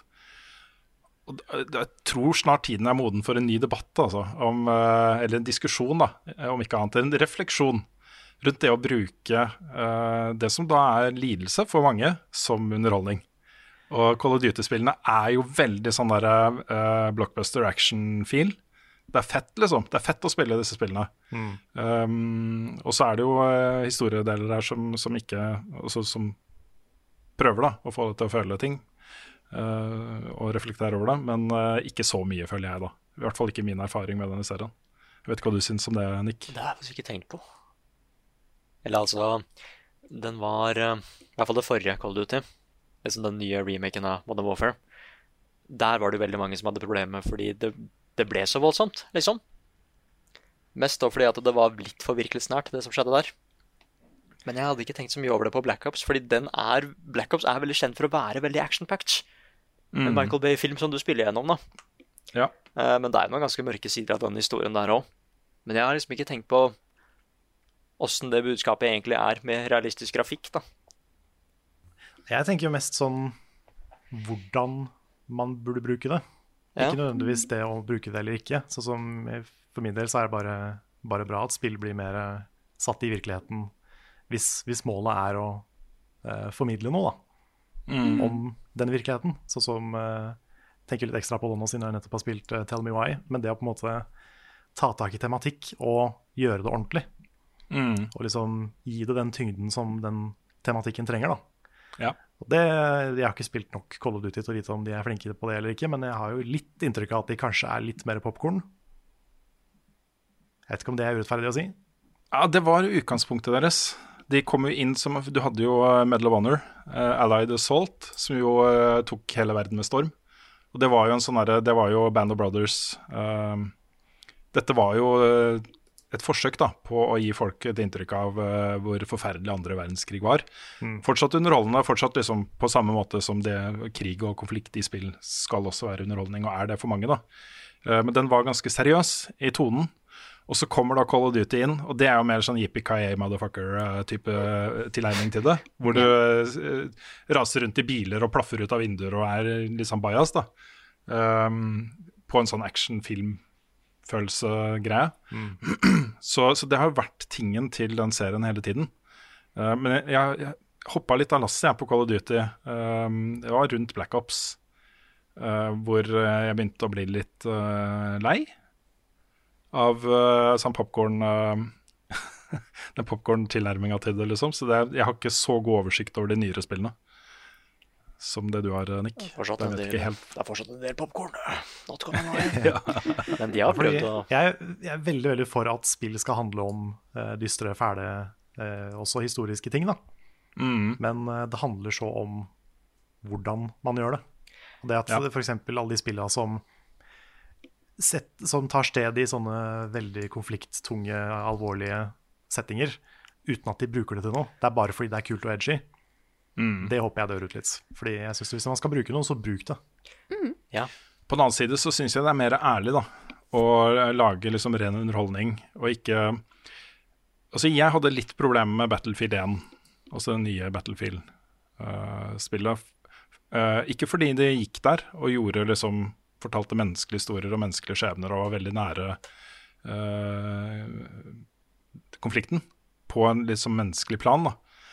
Men fordi du i neste øyeblikk så var det jo liksom multiplayer og kasta deg fra flyet og var liksom tjo og hei, dette er fett. Og så litt, litt kont den kontrasten den der, altså, Jeg syns det er vanskelig å få til, da. Eh, et, jeg mener jo at uh, spill basert på krig er og kan være og må få lov til å være underholdning. På samme måte som det er i andre medier. Eh, men jeg, det er sånn, en del sånne issues tilknytta det som, eh, som jeg syns er verdt en diskusjon, da. Er det ludonarrativ dissonans du snakker litt om? Ja, det er nok ludonarrativ diskodans. Nettopp. Ja. ja, men det er litt det også. Det er litt det. Jeg, det er, jeg, jeg, tenker, jeg har ikke alltid tenkt sånn. Dette er ganske nytt, eh, på en måte, at jeg tenker sånn om disse spillene. Men det er jo fordi spillmediet er i ferd med å bli så mye mer modent da, enn det har vært. Ja, det har skjedd så eh, sykt mye de siste åra. Altså sånn, ikke bare med te de tekniske tinga, men spillmediet har liksom vokst. Det har blitt eldre, Mm. blitt litt mer modent. Ja, det er sant. Ja. Og det er jo en veldig bra ting. Mm. Så å legge til at uh, dette er jo bare basert på noen inntrykk jeg har fått fra den traileren. Det er ikke noe, Jeg vet ikke. Det, vi har ikke ingen av oss har spilt spillet. Eh, og jeg vet ikke hvordan de har løst det i spillet osv. Men jeg, jeg gleder meg til å teste det og, eh, og mene noe om det når det, når det kommer. Yeah. Hvis jeg, hvis jeg får tid til å spille, da. Det kommer så sjukt mye annet da. Ja, november er Så- crazy, fant jeg ut nå. Yes. Hvor, skal, vi, skal vi gjette, eller? Hvor mange av disse spillene blir utsatt til neste år? Åh. Nei, Noen av de blir det. November er ikke så lenge til, da, så jeg da tenker jeg litt at de kanskje hadde blitt utsatt allerede. Og Cyberpunk har jeg liksom, det har blitt utsatt så mange ganger nå, nå, nå tror jeg at nå, nå kommer det. Ja, Men, livet eh, til Lord. Jeg vet ikke. Jeg har en følelse av at eh, Valhalla blir utsatt. Du tror det? Ja, kanskje. Det har vært så mye trøbbel i ledelsen der òg, så det kan Ja, Ja. det kan jeg se for meg, faktisk. Mm. Mm. Men også litt fordi eh, Fordi eh, no, Det er litt sånn chicken, ikke sant. Hvem viker først? Når eh, Valhalla og Cyberpunk kommer i samme dag. Mm. En av de vil En av de vil lide av det. En av de vil få lavere salg fordi de konkurrerer mot noen andre, ikke sant. Ja. Kanskje begge får lavere salg. Fordi Ja, de begge vil mot få andre. det, sikkert. Mm. Så eh, ja. Jeg har Ja. sett det før, at man har flytta på dator fordi det kolliderer og sånt. Så ja. Yes, men vi har flere nyheter å gå gjennom. Mhm. Ja. For eh, Fall Guys er det mest nedlasta PlayStation 4 eller PlayStation Plus-spillet noen gang. Globalt. Globalt. Ja, ja, det, det er, er ganske sjukt. Men det er jo også eh, Det gir jo litt mening, da, med tanke på at eh, det er ikke så mange nye spill som havner på PlayStation Plus. Nei. Neida, det er sant. Så de har jo vært i en litt spesiell situasjon der, men likevel. Et, et indiespill som har tatt så av. Jeg kan også Jeg syns det er vel har, så eh, interessant Jeg synes det er vel så interessant at det har solgt syv millioner eksemplarer på Steam. Ja, for det var det neste punktet jeg skulle komme til. okay, sorry. Sju millioner eksemplarer på Steam, men eh, Rune er vant til å ta nyhetene, vet du. Ja. Ja, sorry. Ja, det er, det er greit. Ja, for det er, det er sjukt. Det er sjukt, ass. Det som, det som jeg syns er spennende her, er jo Ok, nå har jo da verden fått se. Alle spill, de som lager spill og gir ut spill, har jo nå fått se hva muligheten er i å lage Battle Royale-spill for mange spillere som ikke er at man skal skyte hverandre i hodet. Ja. Det kan eh, medføre en del ganske kult, altså. Om et år eller to. Absolutely. Vi kan gå videre til Netflix, som bekrefter en Resident Evil TV-serie som handler om Wesker-barna. Ah, det visste ikke jeg. Ja, det er kult. Yeah. Ja, var ikke det, var ikke det um, regissøren av uh, uh, Av uh, Breaking Breaking, Bad. Bad. Nei, var det det? Oi, var det det? Som skal ha piloten? Jeg tror det. ja Shit. jeg syns jeg så det på uh, nyhetssida. Kan det her bli bra? Kanskje? Bronwen Hughes. For jeg har funnet tweeten, nemlig, som, som, ja, som Netflix gikk ut med, og der var det et manus. Uh, og der står det 'Written by Andrew Debb' og 'Directed by Bronwen Hughes'. Ja. Da var det sannsynligvis sånn som jeg sa, da. Han har regissert en episode av Breaking Bad, eller to eller tre, eller noe Det, sånt. det kan hende. Og det er ei dame. Ja, si hun, selvfølgelig. Hun, ja. Skal vi si hun. Tenkte bare Si det, Alright, så- det som det skal være. Nice, nice. Ok. Så går vi videre til et rykte fra Bloomberg. Og Det er da med fokus på rykte, det er ikke sikkert det stemmer, men det er da en, en del rapporter som uh, visstnok uh, bekrefter at det kommer en oppgradert Nintendo Switch i 2021. Hmm. Så neste år. Hva tror vi om det? Tror vi det stemmer? Er det, gir det mening? Da Ja, kan det det gir være mening. Ja. Da jeg, Jeg eh, sy- Ja, fortsett. Ja, Ja, men jeg, jeg, jeg syns det gir mening, og det er fordi um, Fordi um, uh, de har litt å gå på på uh, oppløsning. På uh, særlig den håndholdte, da, uh, tenker jeg. Hvis de klarer å få den opp i uh, 1080P og kanskje 60 FPS, så, så blir det en vesentlig uh, smoothere opplevelse. Og kanskje da med tanke på Breath of the Wild 2 og, og sånt. At Ja, for det, det går rykter om at de skal satse på til og med litt eh, høyere oppløsning enn 1080p. På, I hvert fall på den eh, stasjonære. Ja, for jeg hadde tvilt på om det kom 4K. Ja, jeg også tenker jo egentlig det, fordi Ja. Nintendo er jo ikke på toppen liksom tech-messig. Og det har, de, de har de ikke hatt som prioritet heller. Nei. Mm. Så det jeg håper på hvis det kommer en Switch Pro, da, eller hva den kommer til å hete, det er jo at det, det blir høyere framerate, f.eks. Det å kunne spille Breath of the Wild i 60 frames er eh, mer enn nok for meg. Oi, oi, oi. Det, det er det jeg vil. Ja, det hadde vært en markant forbedring, altså. Ja. Det hadde vært kult. Mm, For jeg, jeg spilte det i, igjen i sommer, og det er jo Det er ikke noe problem at frameraten er eh, lavere. Mm. Men det er noen steder, sånn som i eh, Lost Woods og sånn, hvor den tanker veldig. Og det liksom bare få en supersmooth versjon av det spillet, det, det hadde kanskje vært nok til at jeg hadde kjøpt meg en eh, Switch Pro. altså. Og så er det jo en del av disse store uh, tredjepartsspillene, sånn Doom og Witcher 3 og sånt som har kommet på Switch. De hadde jo nytt veldig godt av at den hadde litt mer kraft. Ja. Var det ikke Var det Outer Worlds som så skikkelig lite pent ut? Jo, det Switch? stemmer det. Ja. Ja. Så det kan hende de har tenkt litt på det, da. At de har lyst til å ha penere tredjepartsspill. Mm. Ja. Altså er bedre ports, rett og slett. Har de ikke uh, eh, CD sagt at uh, Cyberpunk 2077 liksom Nei, da, da kommer ikke til Switch. Og da er bare for Det blir for stort. Det kan jo være at Men måte, kanskje- Nintendo ser at de misser litt ut på litt ting. Ja. Ja, kanskje. Men det er jo sykt mange som har kjøpt Switch, da. og Den, den selger jo fortsatt veldig bra. Det er sant. da. Mm. Så det er jo ikke Jeg vet ikke, jeg vet ikke helt om jeg tror på det, men, eh, men jeg hadde jo samtidig ikke sagt nei. Nei, altså det er da at jeg, jeg ser det som et plausible rykte, men jeg er ikke, jeg er ikke helt solgt. Nei. Nei. Men så kommer vi til eh, kanskje noe mange har venta på at vi skal snakke om. Mhm. Nemlig det har, kommet, eller det har ikke kommet, men det har blitt annonsert to nye Batman-spill uten Batman. det første er da Suicide Squad, Kill the Justice League fra Rocksteady. Det kommer i 2022. Det fortsetter Arkham-historien fra, fra de spilla. Ja, det er jo veldig interessant. Og så er det Mm. én til fire spillere i coop, eh, der du kan spille som bl.a. blant annet Harley Quinn, Deadshot, King Shark og Captain Boomerang. Jeg kjente igjen noe. traileren var kul, altså. Ja, den var kult. Ja, det er ikke alle de bad guysa her jeg har sånn kjempeforhold til. Nei. Harley Quinn er jo den største, og jeg husker jo Deadshot fra filmen. Og King Shark og Captain Boomerang var også I hvert fall Captain Boomerang husker jeg var, var med i filmen. Han var litt sånn joke-figur. Ja. Så ja, altså, de er jo sikkert veldig populære, de her. Det er bare fra comics, tenker jeg, og ikke så mye fra film og spill. Og så er det da Supermann som er uh, målet deres. Er det ikke det vi det, traileren avslutter med? Jo, han er jo da Han har blitt slem igjen. Ja. Ja. Det er som eh, Skal Supermann være med i noe, så skal han alltid være slem. Ja, det, ikke finne på noe annet. Men, jeg, altså, jeg, jeg, men det, er jo, det er jo da han derre Brainiac som har gjort Supermann Ja. slem, da. Så det er veldig tydelig fra starten av. tuller. Dumme, dumme Brainiac. Ja, han er, eh, han er sånn AI, vet du. Ja. Kan ikke stole på det. Nei.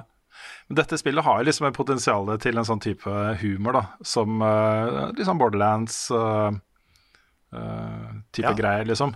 Kanskje. Kanskje de klarer å liksom naile den, den stemningen som traileren til den første Suicide Squad-filmen hadde. Ja. ja.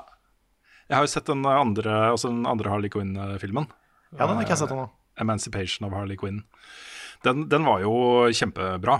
Ok, Den likte jeg veldig godt. Der var det uh, cool bad guy og masse bra humor og uh, kule actionsekvenser og veldig sånn empowering, da.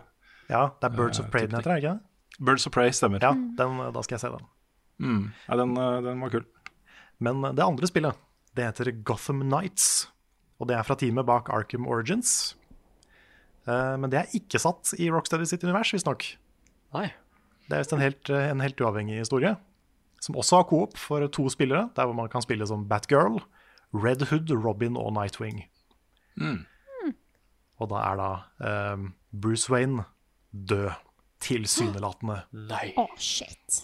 Han er sikkert ikke det, men kanskje. Hva gleder vi oss mest til? Rocksteady. Ja, det blir Suicide Squad. Er- Batman-serien er litt i samme situasjon som Call of Duty, særlig var i, da. Hvor eh, eh, du hadde Infinity Ward, som var blant de beste i verden på det de gjorde. Og så klarte ikke de da å levere til Activision og, eh, og aksjeholderne deres og Bobby Kotick, bonusen hans, et nytt uh, Call of Duty-spill i året. Så da engasjerte de Treyarch da, til å lage dette mellomårspillet. Mens uh, Infinity War jobba med det neste sånn skikkelig Call of Duty-spillet. Så i starten syns i hvert fall jeg da, at de spillene Treyarch lagde da, var så markant uh, dårligere enn uh, det Infinity Ward eh, gjorde. Men så har jo da Treyarch utvikla seg ganske mye over tid, da. Og blitt flinkere. Og det vet jeg mange som holder noen av deres spill da, som deres favoritter i, i COD-serien. Så ja, så de vokste på en måte litt inn i, inn i den rollen.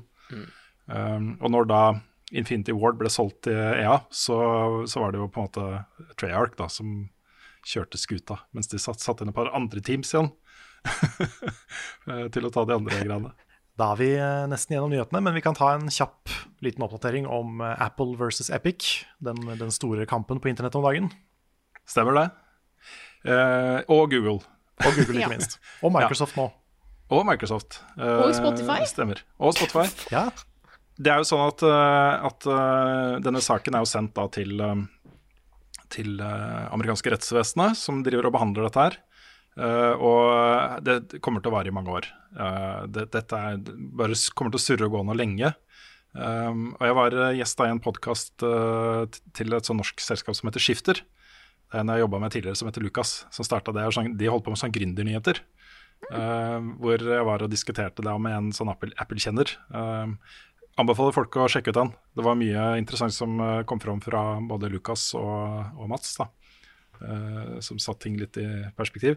Men dette er jo en sak som kommer til å vare lenge. Og vi har vært litt uklare på et par ting som jeg tenkte var greit å bare klargjøre litt mer. Uh, og det er jo det tilfellet med uh, Unreal Engine og IOS. Vi, da vi snakka om det forrige gang, så var vi ikke helt tydelige på hva som egentlig skjedde der.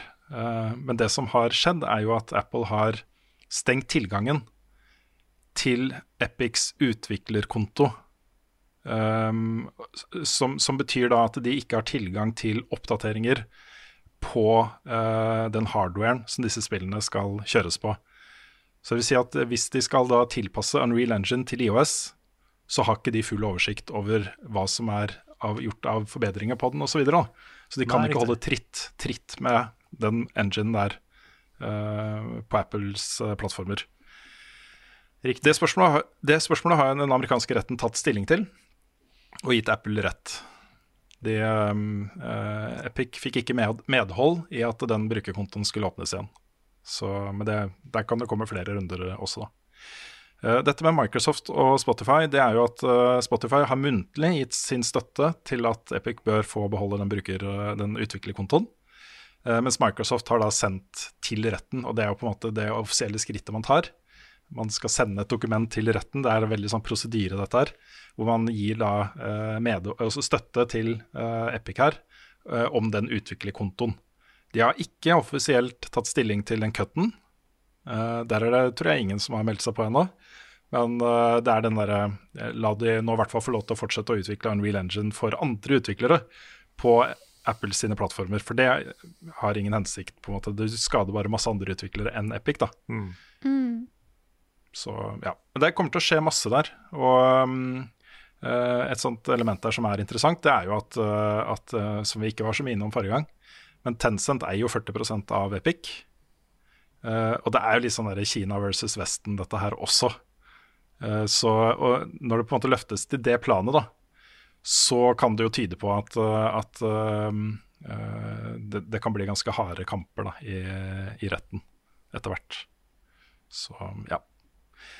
Så vi får se. Mm. Nå har det i hvert fall kommet en eh, beskjed fra Epic om at uh, neste Fortnite-sesong uh, kommer ikke til å komme på uh, IOS eller iPad eller Mac. Nei. Så det er jo første på en måte, resultatet av denne saken her, da. Mm. Det er, Epic vet jo at de har uh, kjemper litt mot klokka her også, fordi hvis den ikke gjør det, da, og folk finner seg andre alternativer på, på iPhone, så det er ikke sikkert de kommer tilbake. Det er ikke sikkert. Det er sånn, Ting går litt fort med de tingene der, altså. Mm, mm. Det var jo liksom, PubG var jo kongene på haugen, og så var, ved et uhell på en måte, så kommer uh, Epic inn med Fortnite og viser seg at uh, ja, det er jo det alle har lyst til å spille. Det var ikke de forberedt på. Så kommer liksom Apex og Fall Guys og ja. andre greier, liksom. Ja, kanskje det kommer en Fall Guys Game Store. Ja, ja. Mm. Hvor du nå bare får en ny konkurrent til Steam. Ja. Men utgangspunktet her, det som Epic uh, har uh, et poeng i, det er jo det moralske. Altså 30% cut er veldig mye, altså. Mm. Så, men det, sånn er det jo. Det er bransjestandarden. Sånn er det på PlayStation og Xbox og Steam og uh, Nintendo. Ja, for, for, det er det, fordi Sony, Microsoft og ofte Nintendo tjener jo ikke penger på konsollsalg, men de tjener penger på spillene som selges på konsollene. Mm. Så de er nok ganske beskyttende på den, den 30 %-andelen, altså. Ja.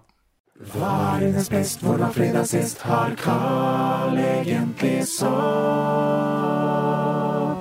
Ukens spørsmål.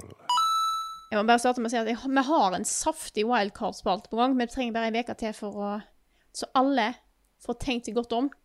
Mm. Det, er en mm. fortsettelse på forrige uke. ja, vi har, vi har forresten fått noen tegninger. Ja! av Faith of Engine-spillet som vi begynte å pitche i forrige podkast, og det er, mm. det er kjempekult. Oh, det er kult, så altså. Så tusen takk for det. det er, jeg setter så ekstremt stor pris på det, altså. Så mm. Jeg begynner å få lyst til å spille det. Ja. Jeg ga meg jo før dere begynte på den i den podkasten. Ja. Men det var veldig morsomt å høre på det etterpå. Så jeg fikk veldig positiv tilbakemelding fra Espen òg, eh, altså vår, vår Espen. Ja. Ja, kult. Han, eh, han likte det. Men da tar vi spørsmål, og vi starter med et fra Pål Nesse. Han skriver det er sikkert nevnt før, men hva skjer med spilluka? Eller rett og slett, hvorfor skjer det ikke? Og hva er status på spilluka, folkens?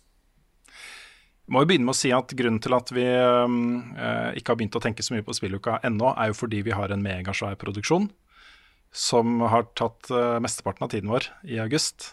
Um, eh, det er en serie som kommer nå snart. Vi Mhm. har ting til godkjenning. eh, driver og jobber med litt tilbakemeldinger og eh, eh, justeringer. Men når det er spikra, så vil jo den begynne å gå, løpe og gå og komme, liksom. Så den er ikke så langt unna. Så det, når vi er et lite selskap, så er det når vi har så store produksjoner som det, så tar det litt presedens, da. Det, sånn må det være. Den andre grunnen er at vi har lyst, og har jo fått, 50 000 kroner i støtte fra Fritor til å videreutvikle og forbedre spilluka. De pengene har vi lyst til å bruke til å eh, plassere spilluka i et fetere studio. Eh, lage en bedre innpakning, kanskje eh, eh, spisse formatet litt. grann. Eh, med det ønsket og det målet at kanskje dette er attraktivt for noen å eh, kjøpe og ha på sine plattformer. um, som et produkt, da. Mm. Så det, det føles litt rart. da. Nå har vi hatt en pause ikke sant? en stund. Og så kommer vi tilbake, og da sitter vi fortsatt i trappa på Mesh. Ja, eller i Animal Crossing. Eller i Animal Crossing. Uh, og så vet vi at vi har lyst til å gjøre store forbedringer.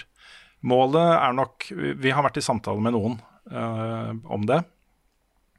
Eh, målet er å komme i gang igjen med spilluka i starten av eh, september. Når vi har blitt ferdig med denne serien vi jobber med. Og når vi kanskje vet mer om hva vi får til og andre ting. Hvis det er sånn at, eh, at det med studio og sånt tar litt lengre tid enn det, da, så kjører vi nok på med en mellomløsning. Det kan nok hende. Ja, så spilluka kommer tilbake. Men ja. Nice. Da har jeg et spørsmål til her på, på lur. Eh, dette er fra Even Fosser. Han skriver Hei, planlegger dere å besøke eller ta i bruk Eldorado e-sport etter at det har åpna? Eh, her tenker jeg mest i level up-sammenheng eh, og har mye forslag her. Og så sier han òg Stå på, digger det dere gjør. Jeg er kjempeglad for at dere holder koken etter så lang tid. Tusen takk. Tusen og dere har jo lagd litt små innslag på Eldorado sine sosiale mediekontoer for Eldorado. Det har vi. Og svaret på spørsmålet er jo ja. Ja. Vi har tenkt å bruke Eldorado det, til mye forskjellig, egentlig. Mm. Nei, vi er jo gode Altså, vi, vi- Eldorado har på en måte blitt altså Vi er ganske integrerte da, i det som skjer der. Uh, vi snakker mye, vi hjelper til med oppsett av streamingrom. Uh, I går fikk jeg telefon om eh, hva slags VR-kits man bør ha på det VR-rommet. Så vi snakker mye om de tingene. da. Uh, og det ehm, Det samarbeidet kan jo være alt fra at vi flytter inn på Eldorado, og blir på en måte en del Altså det blir hjemmet vårt, da. eh, til at vi har eh, liveshows der um, jevnlig. Mm. Men, det- men det blir i hvert fall liksom jevnlig liveshows. Ja. og, og kanskje meetups og, og events og etere-dekning og sånne ting, liksom. Det, Så det var jo- Ja, hvis det blir E3. Hvis det blir etere. ja. Men det var jo også, det var grunn, grunnen til at vi kasta oss inn i eh, det samarbeidet her eh, med den iveren vi har gjort. Da. Det er jo nettopp det. Her får vi lokaler som er så sjukt godt egna til de tingene vi gjør, Mm. eh, med live-ting, da.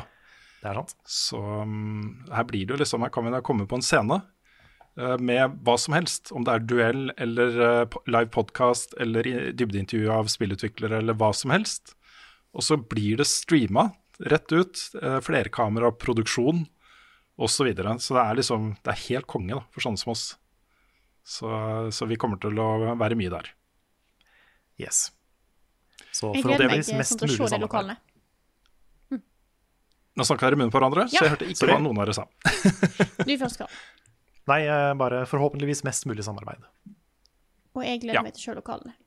Mm. Ja, det begynner å bli skikkelig fint der nå.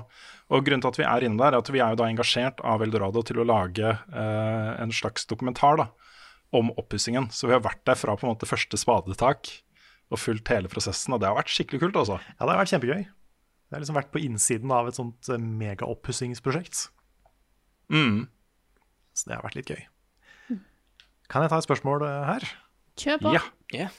Fordi uh, dette er jo et, et stort spørsmål, men vi kan ta det for det. Det er fra Erlend R. Sande. Hva ligger an til å bli årets spill for dere, selv om vi bare er i slutten av august? Oi, oi. Mm. Jeg har lyst til å eh, kjøre litt sånn level up-tradisjon og si tre. ja. Fordi, fordi de som mest sannsynlig, i hvert fall nå, da, kommer til å toppe lista mi, det er eh, Final Fantasy 7 Remake, The Last of Us Part 2 og Animal Crossing. Ja. Jeg har også tre Jeg har egentlig to, da. Jeg jeg har lyst til å også Hvis man skal lage en sånn og, her er Level Ups Game of the Year 2020, så er jeg med på å diskutere Animal Crossing, for det fortjener det. Mhm, Og for så vidt til og med kanskje til og med Fall Guys, bare på den impacten det hadde nå i august. Ja. Um, men uh, personlig så står det mellom to ting, og grunnen til at jeg ikke helt vet det nå, er fordi jeg har ikke fullført det ene ennå. Det er et sånt prosjekt som har hengt litt over meg. Jeg må komme meg gjennom det. Um, og det er da Kentucky Route Zero, som um, det jeg har spilt av det, er sjukt bra. Sånn ordentlig amazing, og så forfriskende annerledes og stilig. Uh, at, uh, at uh, ja, jeg er supergira på det. Men det er jo da selvfølgelig The Last of Us Part 2 er det andre spillet. Det er, er så kongebra, det spillet, altså. Men det kommer, det kommer jo et par ting seinere i høst som kan melde seg på her. Og da Ja, kanskje særlig Cyberpunk. at- Ja, skal ikke se bort fra at den eh, lista kommer til å være litt annerledes mot slutten av året. Mm. Ja, sant. Ja, for jeg, jeg har jo lyst til å si eh, Da må jeg si fire. Fordi at Oi, oi. jeg er helt enig. Fordi at Sånn er Altså, herregud. Eh, Animal Crossing. Eh, Final Fantasy 7, det har jeg nesten lyst til å si hele pakken. Jeg har nesten lyst til å kaste inn Witcher 3, men jeg kan ikke gjøre det. Eh, Last of Us Part 2. Yes. Så da har vi tre. Det er et spill til. Da er ordet igjen The Will of the Wisps. Ja, fader. Det, det har jeg ikke fått spilt ennå. Det tenkte altså, jeg ikke da heller. snart. Altså, jeg må, Det skal på lista. ikke, men jeg anbefaler veldig sterkt. å Ja. ja. I agree. Yes. Så det, det må opp der. Og det er Jeg gidder ikke å spille det før jeg kan spille det i 120 FPS på Xbox Series X. Også. Nei. Som en ekte gamer. Yes. Som en ekte Men, gamer. hvis, jeg skal si, hvis jeg skal kjempe om toppen, så er det, ligger det noe mellom uh, The Last of Us Part 2 og Ori. Ja. Åh, den er så vanskelig. Um, for jeg har jo sånn der recency bias her uh, til Mhm. Ghost of Tsushima. Mm. Ja. Jeg tenker fortsatt på det spillet. Uh, nei, jeg, jeg tror kanskje Jeg skal ikke jukse. Jeg skal ikke ha topp tre som alle andre, eller topp fire til og med. Jeg skal ha Jeg tror det er Ghost of Tsushima akkurat nå. Ja. Jeg tror det. Men det er kult. Det er litt sånn forskjellige meninger om årets spill. Mm. Det er gøy. Ja, vanligvis så trenger jeg liksom å Jeg må gå en tur i ørkenen, ikke sant, og tenke på hva som er Ja. årets spill. Du må få altså, én da- tåre nedover kinnet. Ja. Ja, og da, da skjønner jeg det, liksom. Mm. Ja. Men jeg må si at jeg, jeg er Dette er personlig, da. Jeg tror kanskje at hvis jeg skal si liksom Game of the Year mer sånn større setting, så er det Animal Crossing. Ja. Jeg tror det er det for meg òg, altså. Ja. Det spillet har bare hatt så stor effekt på meg i 2020. Mye også pga. 2020, men sånn uansett, da. Mm. Det spillet har på en måte gitt noe til hverdagen min uh, i år. Ja, nettopp derfor så fortjener det å være med i alle diskusjoner om Game of the Year, syns jeg. da. Ja, helt Eh, enig. Når man ser salgstallene runda 30 millioner eksemplarer, liksom. Ja, det er jo helt- gammelt i oss. yes. It's not so. Ja. Ja. Er det noen som har et spørsmål til liggende? Jeg lurer på om vi blir nødt til å runde av. Vi skal jo Ja. straks gå live. Ja, da har du helt rett i. Ja, det er sant. Det skal vi. Ja. Mm. Da, eh, da, jeg glemte å se på klokka. Da har du helt eh, rett i. Vi skal øyeblikk eh, gå live. Da har dere allerede fått med dere, så vet dere det. Eh, Åh, vanskelig. Ja, men jeg tror jeg bare runder av. Dette her er Level Backup, en podkast eh, produsert eller utgitt av moderne media. Introen og outroen er skrevet av Ole Sønnik Larsen og arrangert og framført av Kyoshi Orkestra. Vignetten er lagd av fantastiske Martin Herfjord. Du er en helt. Eh, du finner mye mer innhold fra oss på youtube.com. Der legger vi ut det meste, eh, inkludert Carl og min sin nye anmeldelse. Så sjekk ut der. Ikke at vi hadde en felles, men det er to. Eh, vanskelig. Vi kommer også til å streame masse på Twitch. Det gjør vi alltid. Gå inn på twitch.tv slash levelupnord. Og hvis du har lyst til å støtte oss, er det bare til å gå inn på patreon.com slash levelupnorge og støtte oss med det du har lyst til, og følg for å ha mulighet til det, hvis du vil. Men vi setter uansett veldig veldig stor pris på alle dere som er der inne. Stort hjerte sendes ut til dere alle sammen. Oh yeah. We love you. Så da, we love you. Så da sier jeg tusen takk for oss. Takk for at du hørte på denne episoden her, og så snakkes vi igjen neste uke.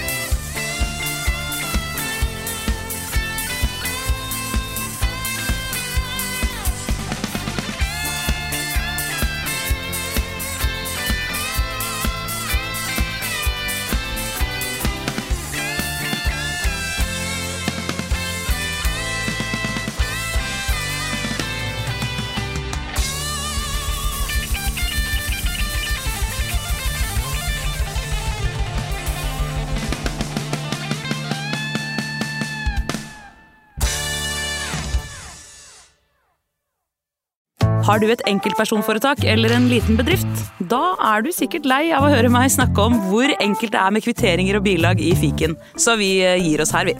Fordi vi liker enkelt. Fiken superenkelt regnskap.